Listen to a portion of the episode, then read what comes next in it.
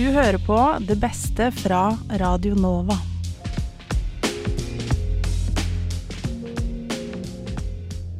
Hallo, hallo, og velkommen til Det beste fra Radio Nova for uke 16.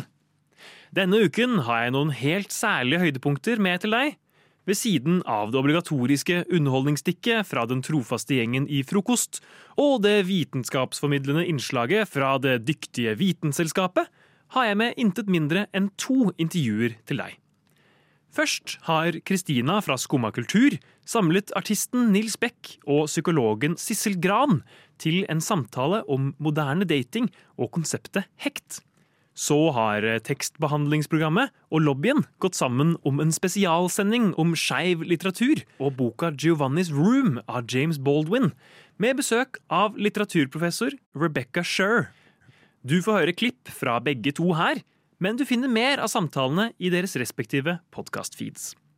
Men vi starter racer'n i dag med en tur innom frokost for å høre Rikkes ode til pollenallergikere. VG har en sak nå med følgende overskrift. Pollensesongen er i gang. Blir trolig verre enn i fjor. Nei. Er det noen av dere to Erle og Espen, er det noen av dere som har eh, pollenallergi? Pollenallergi har jeg lite grann, ja. Du har det? Hva med deg, Erle? Nei. Du har ikke det, nei. Du er eh, blant Perfekt. Eh, blant de heldige. Og nå, denne uka her så er det jo veldig sånn eh, Nå er det jo veldig sånn Nå er det vår, for dette er meldt eh, sol hver dag, og folk er hyped på det. Eh, og da er det lett å glemme oss med pollen. Allergi. Oss som allergi. Vet du hva? Vet du hva? Det er, eh, ja, kanskje lett å glemme, men det er en helt bevisst glemming. Fordi jeg bryr meg så lite. Ja, og det er nettopp Og det er, fint at, det er jo selvfølgelig provoserende, men fint at du sier, for det er nettopp det jeg har lyst til å ta tak i. Ja. Oh, ja. Eh, å ha, eh, det er 20% av nordmenn som har pollenallergi. Og jeg mener at vi i denne gruppen ikke får den sympatien eh, vi fortjener. Jeg føler ikke at utenforstående, som f.eks. Erle, eh, forstår hvor hardt det kan være. Og jeg tror veldig mange pollenallergikere sitter med denne følelsen. Så derfor har jeg eh, rett og slett eh, jeg håper at det er noen med pollenallergi som hører på nå, for jeg har lyst til å booste de litt. En liten ode til pollenallergikerne. Det er det du skal få akkurat nå. Nettopp fordi at så mange ikke forstår eh, vår smerte. Så Espen, kan du putte på litt bakgrunnsmusikk til meg? Så setter jeg i gang. Kjære alle pollenallergikere. Kjære deg som måtte bli inne i friminuttene hver vår da du gikk på barneskolen fordi du var nødt til å holde deg unna pollen. Kjære deg som sliter med at allergien gjør at det klør i øynene, men så har du tatt på maskara, så du kan simpelthen ikke klø likevel. Kjære deg som sliter med å fokusere på skolearbeidet fordi blomsterstøvet gjør at du får vondt i hodet. Ja, kjære deg med pollenallergi, uansett om du har gress, bjørk, salix, burot eller alt på en gang. Vit at du er ikke alene. Vi er flere som kan kjenne oss igjen i deg. Vi er flere som vet hvordan det er å ha blanda følelser for årstiden vi nå er inne i. Jo, man kjenner på alt det positive med at solen endelig melder sin ankomst, men det er også en ulempe med det hele. Det er som å dra på fylla. Man gleder seg til festlighetene, men man vet samtidig at det kommer en dag derpå med påfølgende fylleangst og kvalme. Det er blanda følelser. Jeg vil at du som hører på som har pollenallergi, skal huske på hvor flink du er. Som føler deg konstant litt forkjøla og uggen gjennom sommeren, men som likevel står på og kommer deg gjennom hverdagens kjas og mas. Om du gjør det litt dårligere enn de rundt deg på skole eller jobb i perioden som kommer, husk at det er ikke så rart. Gi deg selv en klapp på skuldra. Om du noen dager glemmer medisinen din, så ikke føl deg mislykka. Vi er flere som har gjort det samme. Skyll øynene og bad mye, så blir det bedre. Vi får ikke nok creds, vi, vi som sliter med allergien. Men husk at du har et fellesskap rundt deg. Ja, to av ti nordmenn vil faktisk forstå. Så dette er en hyllest til oss. Jeg håper at du som hører på, som har denne allergien, kan oppleve dette som et boost til å stå på i tiden som kommer, for jeg vet at du trenger det. Så takk. Da fikk vi Det var veldig fint. Jeg ble litt rørt, jeg også. Det, det? det var veldig fint. Bra. Det er herlig at musikken fortsatt bare kan dure i bakgrunnen. Jeg syns det var veldig viktig. Ble du, ble du rørt? Han gråter bare fordi vi Ja. spiste chili i stad. Ja, men det var deilig å kunne gi en gruppe som jeg selv er en del av, da, litt eh, velfortjent creds og oppmerksomhet. Ja. Det syns jeg vi jeg var på sin fortjener. plass. Det syns jeg. Ja, Det var helt riktig. det var helt riktig. Jeg Tusen det var takk. fint. Takk. Lykke til med våren, alle fellow pollenallergikere. Radio nå. Nei, det er ikke bare solskinn og vårkåthet i luften for tiden. Det er også pollen. Og Rikke fra frokost minte oss her på at vi må ha allergikerne i tankene i disse tider. Neste stopp er Skumma kultur, hvor vi skal høre Kristina snakke med Nils Beck og Sissel Gran om hekt og moderne dating. Velkommen skal dere være. Tusen takk. Takk for invitasjonen. Takk for at dere vil komme. Jeg er glad for å være her, tror jeg. Ja, Ja, jeg er veldig stor fan eh, av Sissel. Og det er gjensidig. Sånn at eh, her sitter vi er veldig tindrende glade. Altså. Det er så fint å kunne legge til rette for nye eh, bekjentskap. Men Sissel, kan ikke du begynne med å definere begrepet hekt for oss? Ja, det var jo Jeg fant jo ikke det noe sted. Da, jeg, da min gode venninne Nora ble rar. For mange år siden nå. Og ble fikk liksom en sånn Ble, ja, ble veldig unnvikende. Og, og var liksom aldri til stede lenger. Det var ikke mulig å møte henne, for hun hadde ikke tid. For hun skulle treffe en eller annen Frank. Han het ikke det, altså vi bare lagde det navnet etter hvert. Isolerte seg og ble veldig tynn.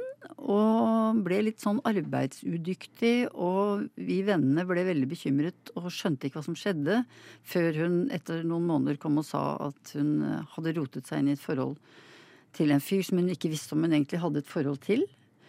Eh, og da tenkte jeg nå må vi prøve å finne ut eh, er det en forelskelse, er det en slags kjærlighetssorg, eller er det noe helt annet? Eh, og ettersom tiden skred frem, og jeg sa du må skrive det av deg. Skriv det av deg, for det gikk jo i vasken, hele dette ikke-forholdet. Etter fem måneder eller noe sånt nå. Skriv det av deg. Var det fordi hun tenkte Hun, så mye for, på ja, hun tenkte på det hele tiden. Og hun eh, er, var et skrivende menneske. Er et skrivende menneske. Mm. Så jeg sa skriv det av deg, og la oss se hva som kommer ut av det. Så skrev hun 500 sider, for hun hadde jo spart på hver SMS. Hver vinkork, hver bussbillett som man hadde den gangen. Hver, altså alle ting de hadde gjort sammen, disse to. Eh, Det hadde hun bevart, altså spart på som om det var sånne relikvier. ikke sant? Ja. Sånn som hun holdt nær sitt hjerte. Da. Så hun kunne egentlig rekonstruere hele storyen uh, ut ifra det. Og da tenkte jeg dette er jo ikke noe forelskelse. Dette er jo en av og på-sak. Dette ligner mer på en slags besettelse. Men i besettelsen så har du ofte mye mer sex. Altså at du blir seksuelt besatt av en person. Og jeg syns ikke det rimte med det heller. Um, så jeg tenkte dette er jo en form for en, en slags hekta situasjon. Og så, så tenkte jeg for rett og slett lage et nytt begrep for et fenomen som vi kanskje ikke har hatt et så veldig godt ord for. Nemlig denne nervøse følelsen av altså et sånn romantiserende, nervøs følelse av overtilpassethet. Alltid liksom være beredt. Og en følelse av liksom panikk og avhengighet og det å ikke Altså og en slags opplevelse av et selvtap. Fordi alt dreier seg om å være til stede for denne tilbedte, altså denne personen. Um, som man ikke vet om man eh, er inne eller ute hos. Eller altså fordi at det er av og på. Så jeg tenkte dette her, og jeg er jo gammel læringsteoretiker fra psykologi, altså jeg var det i gamle dager. Og da var vi jo veldig opptatt av eh, altså hvordan, hva er det som skaper repetitiv atferd. Er veldig sånn eh, En atferd som ikke gir seg. Altså en sånn steady atferd både hos folk og dyr. Jo, det er intimiterende forsterkning, altså periodisk belønning. Altså at du rett og slett tas inn og ut av fryseboksen. Det gjør at du aldri gir deg, altså, og det gir deg dette Det skaper en slags avhengighet. Ja, det skaper en slags avhengighet fordi du hele tiden håper, og det er jo veldig framtredende i en av tekstene eh, til Nils, ikke sant? Glimpse of hope. Altså det Ja, altså hvis du liksom får lite grann Ja, en smule, liksom. Altså som rotta i buret som får en pellet, da, som triller ned i skålen sånn med ujevne mellomrom. Den rotta slutter aldri å trykke på spaken for å få den der i pelleten. Ja, det er det Skinnerbox-eksperimentet. Det er Skinner Box-eksperimentet Det har du faktisk nevnt i en av låtene dine, Nils. Har Ja. du ikke det? Ja da. Kan du ikke fortelle litt om det? Fantastisk. Det er eh, Jeg nevner det i sangteksten. Hva heter den sangen? Det er i hvert fall på siste albumet mitt, 'Foolish Heart', som tar for seg et sånt et veldig vondt samlivsbrudd. Og så i løpet av hele albumet Det starter med en liten sånn forhistorie om hva jeg syns var vanskelig der. En kvinnelig eks, blant annet. Mm.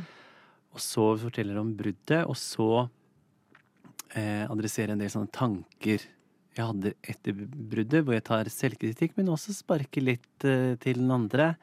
At jeg ikke la meg helt flat. Og så føler jeg Det jeg kanskje var mest redd for at teksten min når han fikk høre albumet, uh, skulle bli såra over, er at jeg drar den Skinners Box-referansen, som er ja, på siste låta på det albumet, som jeg nå ikke husker hva heter.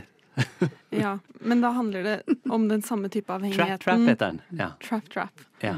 Men da refererer du til den samme avhengigheten med at du får litt sånn av og på, frem og tilbake. Ja. Eller altså det der er å bli utsatt for det man på psykologispråket kaller for intimiterende forsterkning, intermittent reinforcement. Altså du får, og det har vist seg å være veldig avhengighetsskapende.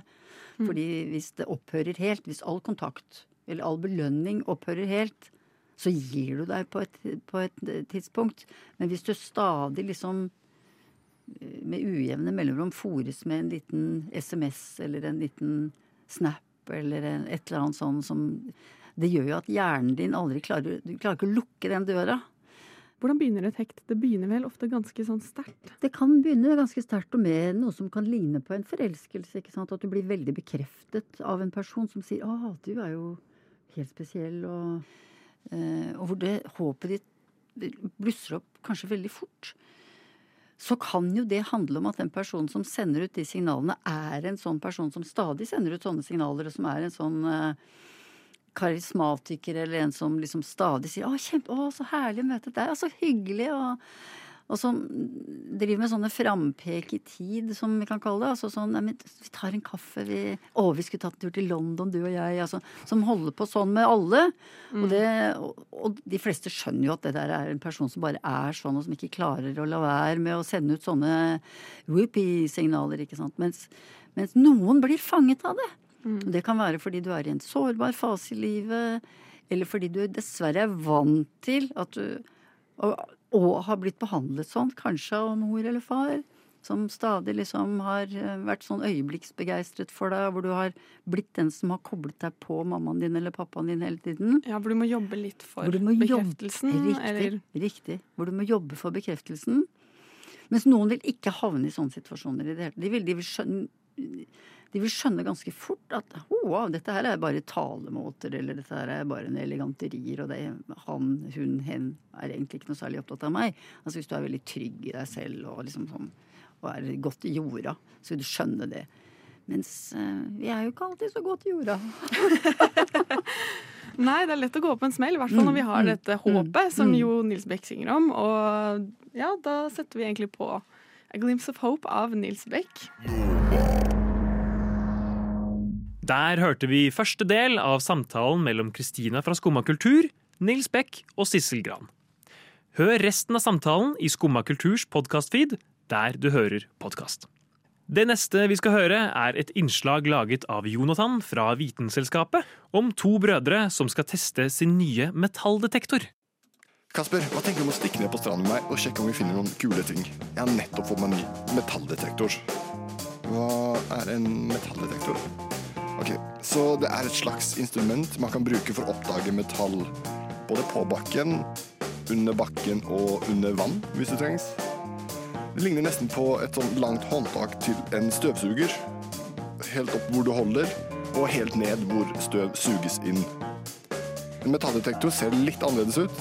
Hvis du ser øverst på den, så ser du en slags boks. Det er type kontrollsenteret. Det er ca. der du holder, det er der du skrur den på. Så går det en lang stang ned, og nederst på den stangen så ser du en skive som ligner litt på en frisbee, egentlig.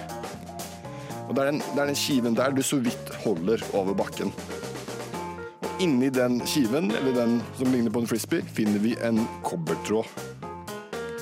Ok, men hvordan fungerer den metalldetektoren?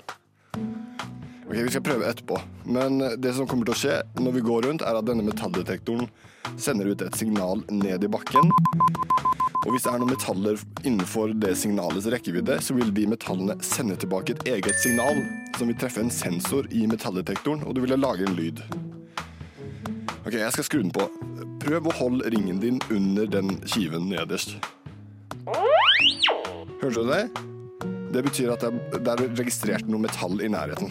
Vi vet ikke helt hva slags, men vi vet i hvert fall at det er noe. Ok, Men hvordan vet metalldetektoren å sende signalet bare til Eller hvorfor går det bare til metall? Ok, Så det her er veldig kult, og det har noe med elektromagnetisk felt å gjøre. Det du trenger å vite, er at et slikt felt oppstår når det går strøm gjennom en ledning. Husker du at jeg sa det var en kobbertråd nederst inni den frisbeen? Når jeg da skrur på metalldetektoren, så sender vi strøm gjennom den kobbertråden. Og det blir lagd et elektromagnetisk felt som blir sendt ut. Det er bare metaller som klarer å ta imot dette og sende det tilbake igjen. Men hva slags, hva slags metaller kan du oppdage? For jeg vet ikke om jeg orker å gå rundt på stranden bare for å finne kasseroller, stekepanner eller magepiercinger. Men du vet hva? Magepiercing hadde jeg vært OK med. Jeg trenger et par nye. Det kan være metaller som gull, sølv, bronse eller altså, en annen som er lagd av metall. Tenker du, Kasper, skal vi stikke og prøve? Ok. Tenk om vi finner en skatt eller noe. Jeg har hørt litt om rykter at det skal være en piratskatt eh, i nærheten her. På huk? Jeg mener ok hvis du sier det, men uh, jeg har heller troa på Sørenga. Ja, hva gjelder magepiercinger.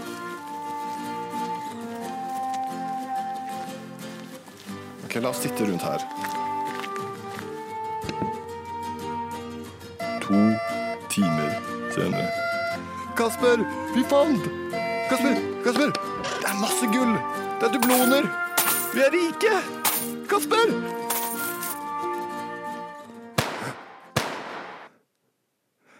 Hva Hva, hva gjør du? Jeg trodde vi Så dere ville ikke inkludere meg, nei? Derfor jeg nesten bare tar det sjæl.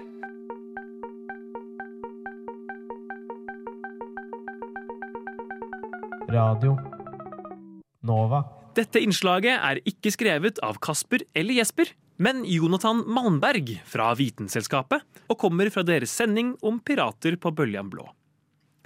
Det siste vi skal høre her i dag, er en samtale mellom Arthur fra tekstbehandlingsprogrammet, Sara fra lobbyen og litteraturprofessor Rebecca Sher om boken Giovanni's Room av James Baldwin. back in the studio here in our little intimate room, and soon we'll get to Giovanni's room. But I'm here with, Maria. Sara. and of course, Rebecca. Yeah, Rebecca. What's your name, Arthur? yeah, and I'm Arthur. So, uh, as we've alluded to, we will be speaking about Giovanni's Room. Firstly, I will just give a, a short introduction of the novel, written uh, and, uh, by James Baldwin and published in 1956. It is centered around the story of David, who moves to Paris due to his girlfriend asserting she needs time to think away in Spain when he proposes to her.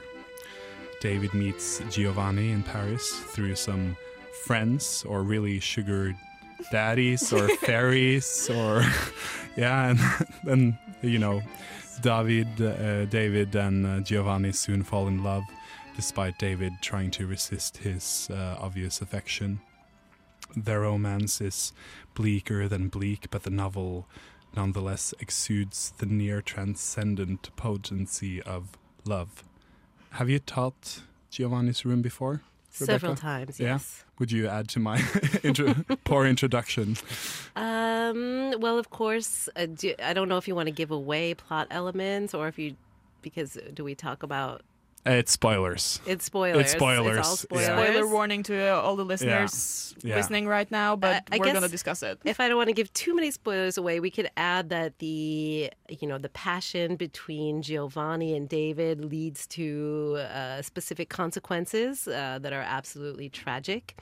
Uh, so it really opens, uh, like David's inability to be with Giovanni opens for for damage, suffering, um, death, uh, all of Yeah. these things. So it's it's it's the antithesis of queer joy. Yeah, it's uh, and that's kind of the an- antithesis of uh, the antithesis of uh, queer joy is kind of at the root of my first question, and uh, uh, it's just it's a bit yeah. Actually, I would go back and say something. So, in some ways, obviously, it's not queer joy that is represented in the novel. But what I would like to add about maybe not so much joy, a little bit of joy, a little bit of pleasure. The book is about a, is about a tragedy, but there's such deep pleasure in reading the book because James Baldwin's prose, his sentence style, the way he has constructed the book, is like a perfect novel. So reading it is a deep pleasure, even though what happens in the text is a tragedy. And I find that combination really interesting, really fascinating. Because I think a lot of students they love Giovanni's room. I'm definitely one of those students who uh, sort of passionately fell in love with a uh, with a book uh, upon my first reading, but. Uh, it's a bit of an uh, anecdotal experience that I've had, but regard in regards to Giovanni's Room, when I've spoken to queer people or like LGBTQ people about the novel before, I um, and about my kind of affection for it, I haven't always received a positive reaction from them. And I find this kind of interesting and a bit perplexing, even perhaps. Like the general perception of Giovanni's Room is that it is perceived as one of the finest uh, pieces of queer literature of all time. It's been on numerous lists and and whatnot, and uh, uh, and we've kind of already gotten into the reason as to why this is the anguish and the depressive elements. But I think there's uh, are probably more reasons as to why as well. Could you do you have any uh, particular ideas on this or? Hmm. Hmm, that's a good question. I do want to say before before answering that question that and this kind of relates back to what we were talking about with all these texts you were mentioning about sort of happiness and joy and this kind of thematic of joyfulness uh, that has been running through this conversation is that it's important to represent internalized homophobia and the kind of psychological struggles somebody can go through because of the larger society and the complete absence of uh, you know queer queer identity and life and expression. Obviously, in the novel, there's the queer bar where the gay bar where um, David meets Giovanni when Giovanni is the bartender there. So there's like this tiny space uh, where people can meet, but it's such a cramped space, just like Giovanni's room, right? Which Right. Just like this room. just like this room.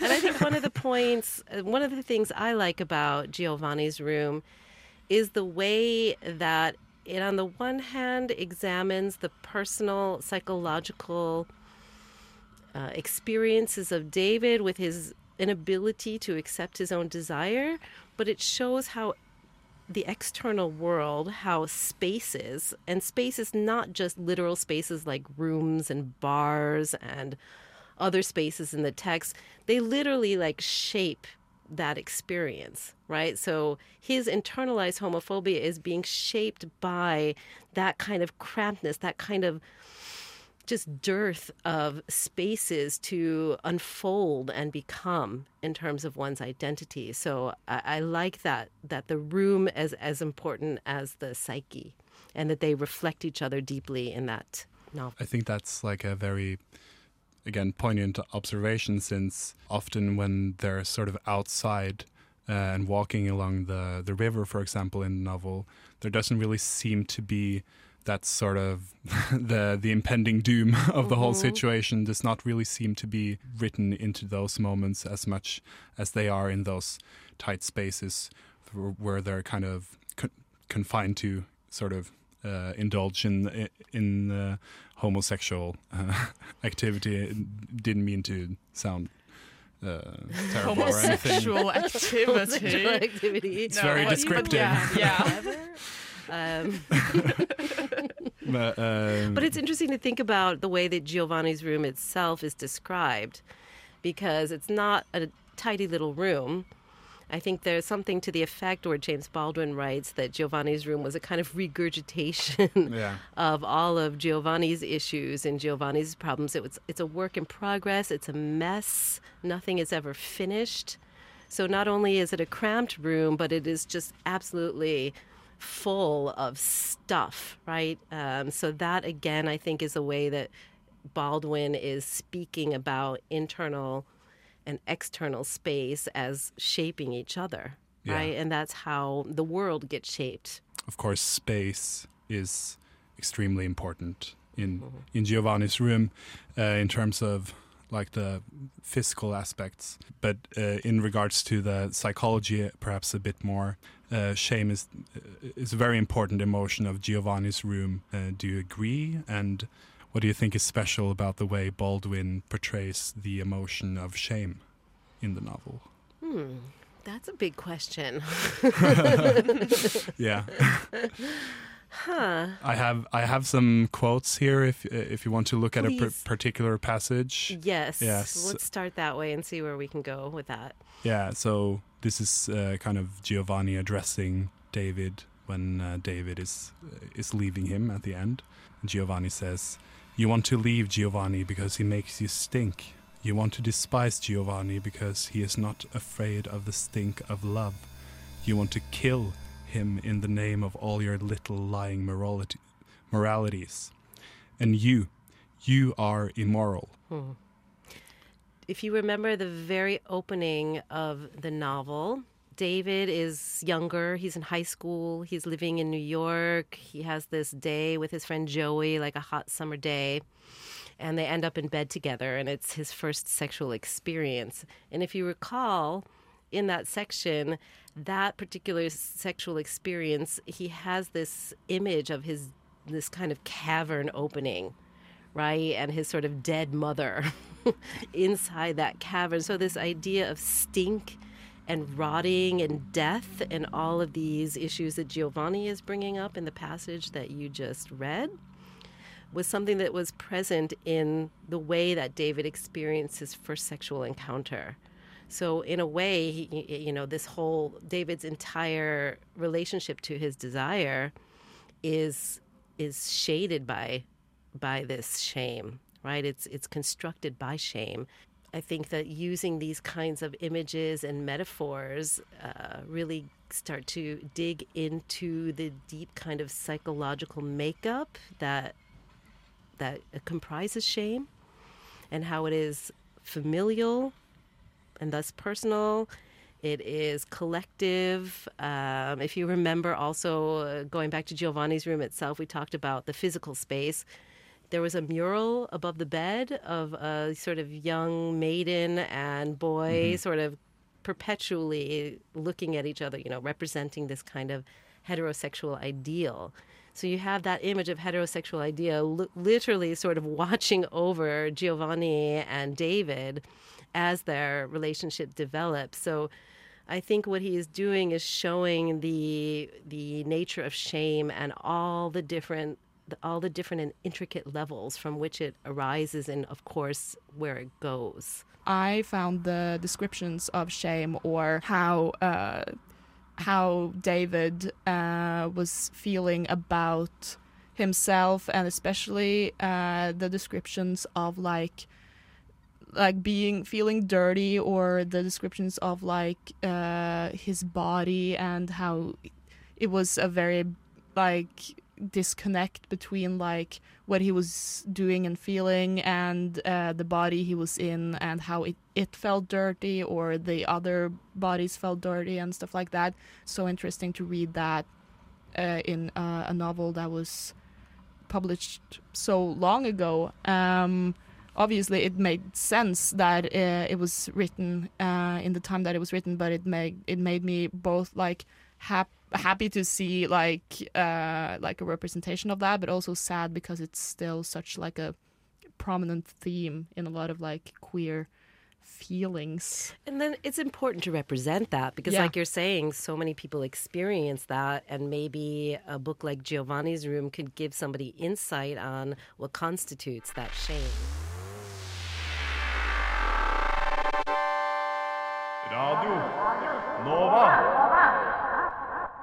Der hørte vi samtalen mellom Arthur fra tekstbehandlingsprogrammet, Sara fra lobbyen og professor Sher om Giovannis Room.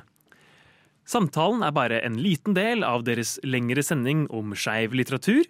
som du kan finne i tekstbehandlingsprogrammets podkastfeed. Det var det beste fra Radio Nova fra uke 16.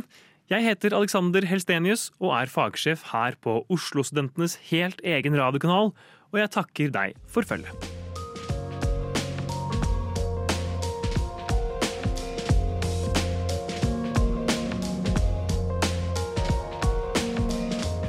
Du har hørt på en podkast fra Radio Nova. Finn flere podkaster på din foretrukne podkastavspiller eller radionova.no.